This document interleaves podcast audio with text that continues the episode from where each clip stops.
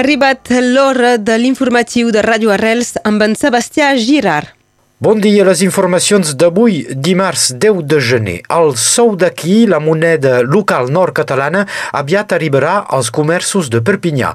Creada fa 8 anys, la moneda local és emprada per ara sobretot al Conflent, a Prada, o al Vallespí, a Seret.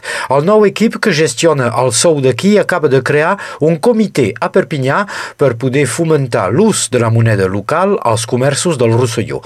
Una reunió d'informació dedicada als comerciants tindrà lloc al Casal de Perpinyà el pròxim 23 de gener.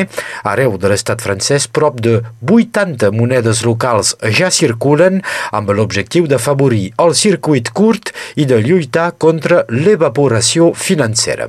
La crisi es fa més profunda encara per l'apicultura. Els productors de mel de Catalunya Nord han enregistrat una caiguda del 80% de la producció al 2022. Les abelles són les primeres víctimes de la manca de pluja. La mortalitat va ser excepcional l'any passat i, lògicament, la producció de mel va caure en picat. Els apicultors esperen que aquesta calamitat serà considerada i sol·liciten ajuda pública per regenerar els eixams d'abelles. El sindicat mixt Canigó Grand City anuncia el llançament de dos projectes majors al 2023. El primer concerneix la ramaderia. 1,6 milions d'euros seran invertits per incitar els ramaders a pràctiques ecològiques. Consisteix, per exemple, a retardar el temps de pastura o optar per productes de tractament sanitaris que no tinguin tant d'impacte sul medi ambient. El segon projecte concerneix la mobilitat amb el llançament d'un estudi per la construcció d'una via verda ciclable a la vall de la Tet. Actualment no hi ha gairebé cap via pels ciclistes a la comarca del Conflent. Demà, sí, és un gran dia per Òmnium Cultural Catalunya Nord.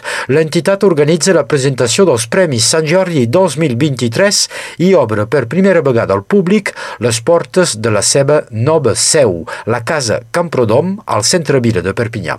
Pel que fan els premis, es mantenen el Premi Joves Escriptors, els Premis de Poesia i de Narració per Infants i s'afegeix un Premi de Producció Multimèdia patrocinat per l'UPLC. L'acte de presentació es farà demà dimecres a les 11 i mitja al número 7 del carrer del Teatre de Perpinyà. En l'actualitat internacional, el Brasil torna a viure una situació de caos absolut. Milers de seguidors de l'expresident d'extrema dreta Jair Bolsonaro van assaltar les principals institucions polítiques i jurídiques del país, la seu del Congrés Nacional, el Palau Presidencial i la seu del Tribunal Suprem Federal. La policia finalment ha aconseguit recuperar el control. Hi hauria més de 1.200 detinguts. Des que Lula va ser elegit, els manifestants pro-Bolsonaro reclamen una intervenció militar per fer fora el president. Van muntar acampades davant de diverses casernes per exigir un cop d'estat per salvar el Brasil Brasil i fer fora Lula.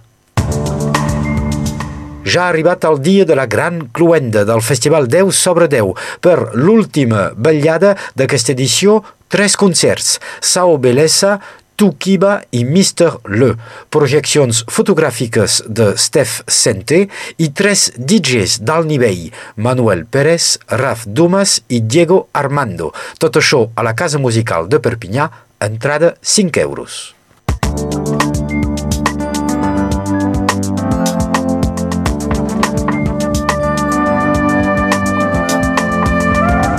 Moltes gràcies, Sebastià. Passem ara a l'informació del temps amb Meritxell Cristòfol.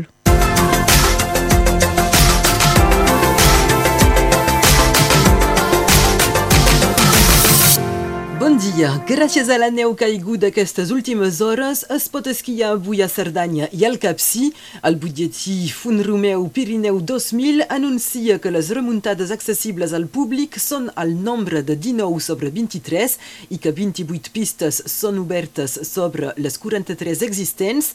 El vent és present, però perd en intensitat avui. Les ràfegues màximes haurien de bufar entre 35 i 40 km per hora a la plana del Rosselló Les temperatures, elles, continuen sent bastant dolces per un mes de gener, 15 graus a Perpinyà, 14 a Estagell, 13 a Cervera, 12 a Seret, 10 a Fontpedrosa, 9 a Serrallonga i a Prada, 5 a Matamala i 4 graus a Eguet. Aquesta tarda el sol se pondrà a les 5 hores i 34 minuts i avui celebrem Sant Gregori i Sant Guillem.